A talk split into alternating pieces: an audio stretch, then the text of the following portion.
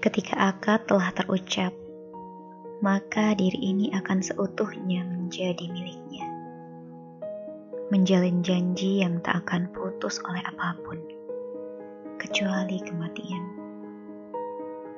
Pernikahan mengajarkan kita tentang kewajiban bersama.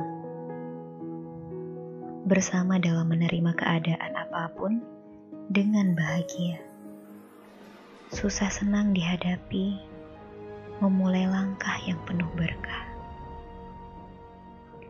Yakinlah bahwa dua doa akan lebih membawamu ke dalam kebahagiaan.